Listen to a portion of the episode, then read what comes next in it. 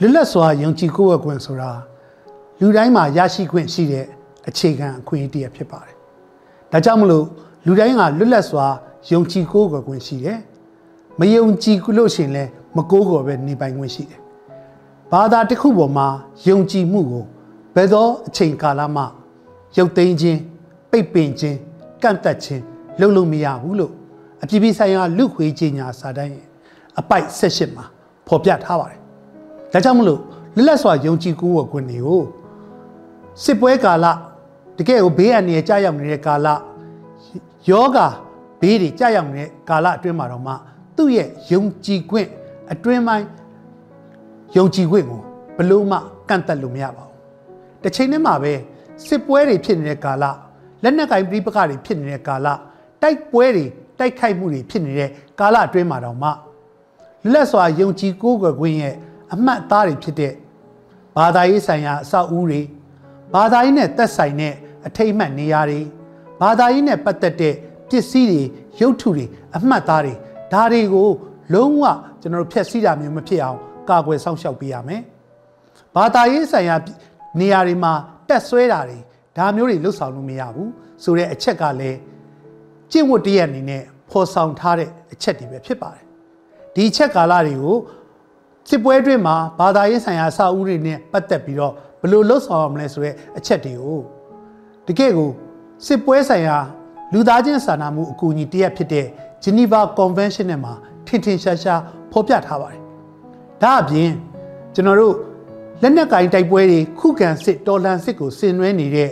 PDF ပြည်သူ့ကာကွယ်ရေးတပ်ဖွဲ့တွေရဲ့ကျင့်ဝတ်စည်းကမ်းနဲ့မှာလဲဘာသာရေးဆိုင်ရာအဆောက်အဦတွေကိုတိုက်ခိုက်တာတွေဖျက်ဆီးတာတွေ ထိခိုက်အောင်လှုပ်ဆောင်မှုတွေမလုပ်ရဘူးလို့အတိအကျဖော်ပြထားတာရှိပါတယ်ခင်ဗျဒါပေမဲ့လက်ရှိအကြမ်းဖက်စစ်တပ်ကတော့နိုင်ငံတကာစာချုပ်စာတမ်းတွေလေးစားမှုမရှိသလိုဘာသာရေးဆိုင်ရာအဆောက်အဦတွေ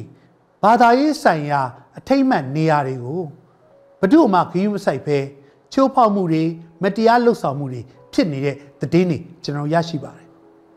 လက်ရှိအကြမ်းဖက်စစ်ကောင်စီက ဘာသာရေးဆိုင်ရာအဆောက်အဦတွေနဲ့ပတ်သက်ပြီးတော့ဘယ်လိုမျိုးလှုပ်ဆောင်နေလဲဆိုတဲ့အချက်တည်းမှာကြည့်တဲ့အခါမှာပထမဆုံးတွေ့ရတဲ့အချက်ကတော့ဘာသာရေးဆိုင်ရာအဆောက်အဦတွေကိုလက်နက်ကြီးတွေအဝေးပစ်လက်နက်တွေသို့မဟုတ်လေကြောင်းကနေတိုက်ခိုက်မှုကထင်ရှားတဲ့အကြောင်းအရာတစ်ခုဖြစ်ပါတယ်အမှန်တော့လူတွေနေတဲ့နေရာကိုထိခိုက်ခြင်းမရှိအောင်အရက်သားတွေနေတဲ့နေရာတွေမထိခိုက်အောင်ကာကွယ်ပေးရမယ်ဆိုတဲ့စစ်ပွဲဆိုင်ရာဥပဒေရှိပါတယ် ဒါပေမဲ့မစင်မကျင်ပြစ်ခတ်မှုတွေမစင်မကျင်ဘုံကျဲမှုတွေကြောင့်လူနေတဲ့ဒေသတွေမှာရှိတဲ့ဘာသာရေးဆိုင်ရာအဆောက်အဦဘုံကြီးကျောင်းခရစ်ယာန်ဘုန်းတော်ကြီးကျောင်းဒါမှမဟုတ်ရှင်တခြားသောပလီစတဲ့ဘာသာရေးဆိုင်ရာအဆောက်အဦတွေကစစ်ပွဲရဲ့ဒဇာကန်အဖြစ်တိုက်ခိုက်ခံရမှုတွေဖျက်ဆီးခံရတဲ့မီးရှို့ပြီးတော့ဖျက်ဆီးခံရတဲ့အဖြစ်အပျက်ကိုကျွန်တော်တို့တွေ့ရပါတယ်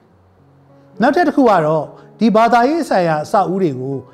စစ်ကြောင်းဝင်လာတဲ့ခါမှာ တမင်တက်တက်ယူရပြီးတော့မီးရှို့ဖျက်ဆီးတဲ့နောက်ထပ်အဖြစ်အပျက်ကိုလည်းကျွန်တော်တွေ့ရပါတယ်။ဘာသာရေးဆိုင်ရာအဆောက်အဦမှန်သိရသားနဲ့ဒီဒေတာမှာနေထိုင်တဲ့ကျေးရွာသူကျေးရွာသားတွေကဒီဘာသာရေးဆိုင်ရာအဆောက်အဦတွေကိုလေးစားတယ်အထွတ်မြတ်ထားတာဒါကိုသိပါရဲ့နဲ့ပြည်သူလူထုရဲ့စိတ်ပိုင်းဆိုင်ရာထိခိုက်အောင်ရည်ရွယ်ပြီးတော့ဘာသာရေးဆိုင်ရာအဆောက်အဦတွေကိုစစ်ကြောင်းဖြတ်သွားတဲ့ကာလမှာဖြစ်ပါစေစစ်ကြောင်း ဒီမှာစတဲ့ကြတဲ့နေရာအတွင်းမှာဖြစ်ပါစေသူတို့ကိုဖျက်ဆီးမှုတွေလှုပ်ဆောင်မှုတွေကျွန်တော်တို့တွေ့ရပါတယ်တခါတလေဒီဒေတာတွေဒီဘာသာရေးဆိုင်ရာအဆောက်အဦတွေကိုပဲသိမ့်ပိုက်ပြီးတော့သူတို့အနေနဲ့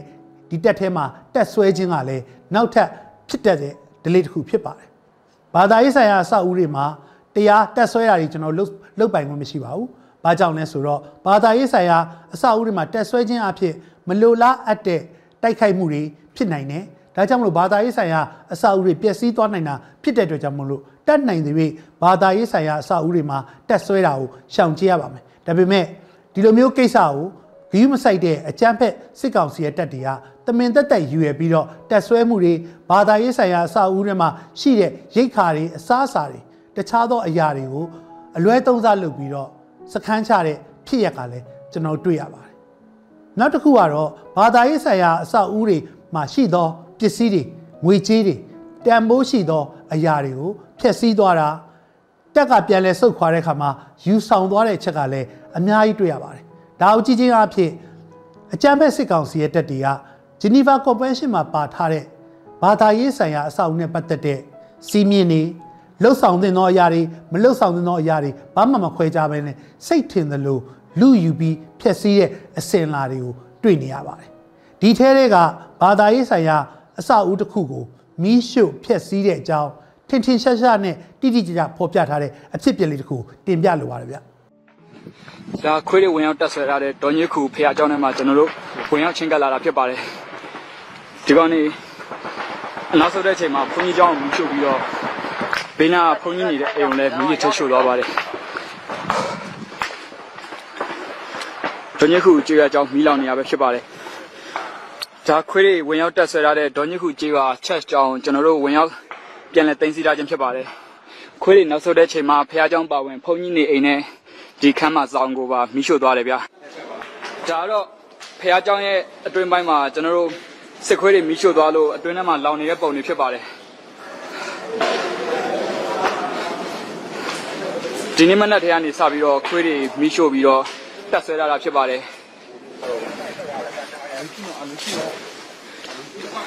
ဖះเจ้าအတွင်းဘက်တွေပါဒီကောင်နေဖြတ်စည်းသွားတာဖြစ်ပါတယ်။ဂျွန်ညစ်ခုချက်เจ้าကဖုန်းတော်ကြီးနေအိမ်မှာမိရှို့ဖြတ်စည်းသွားတာဖြစ်ပါတယ်။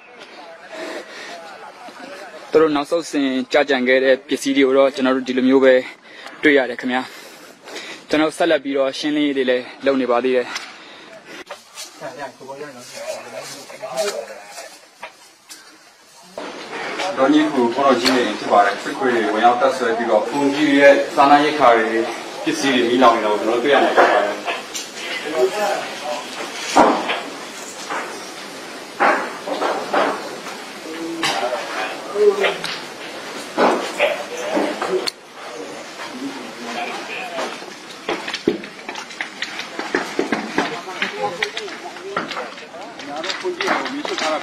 လူရဲ့တိုင်ရနေဒီဆိုတဲ့လူတွေအထက်မှာထက်ပြီးတော့မိသက်ရွှေ့ရလို့ကျွန်တော်ဆောင်းရပါတယ်ခင်ဗျာ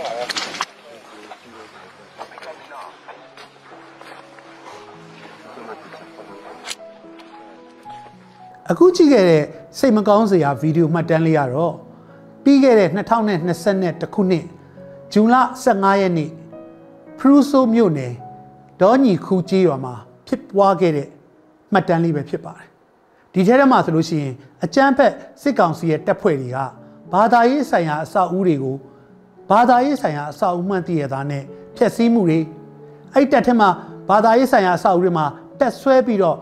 ဘာသာရေးနဲ့မလုတ်တဲ့မလုတ်တိုက်တော့ပြုမှုတွေကိုလှုပ်ဆောင်တာတွေဒါအပြင်ဒီတက်ကနေရွာကနေစုတ်ခါသွားတဲ့အခါမှာဘာမှတက်ဆိုင်မှုမရှိတဲ့ဘာသာရေးဆိုင်ရာအဆောက်အဦပစ္စည်းတွေ အထက်ကအသုံးဆောင်တွေဘာသာရေးကျောင်းဆောင်တွေဒါတွေအကုန်လုံးကိုမီးရှို့သွားတဲ့အချက်ကိုတွေ့နိုင်ပါတယ်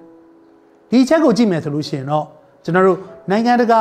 မှာသတ်မှတ်ထားတဲ့စစ်ပွဲအတွင်းမှာဘာသာရေးဆိုင်ရာအဆောက်အဦတွေကိုထိမ့်သိမ်းကာကွယ်ရမယ်ဆိုတဲ့တာဝန်ပြက်ကွက်ရုံတွေမကဘဲနဲ့ဘာသာရေးဆိုင်ရာအဆောက်အဦတွေမှာတက်ဆွဲမှုတွေရော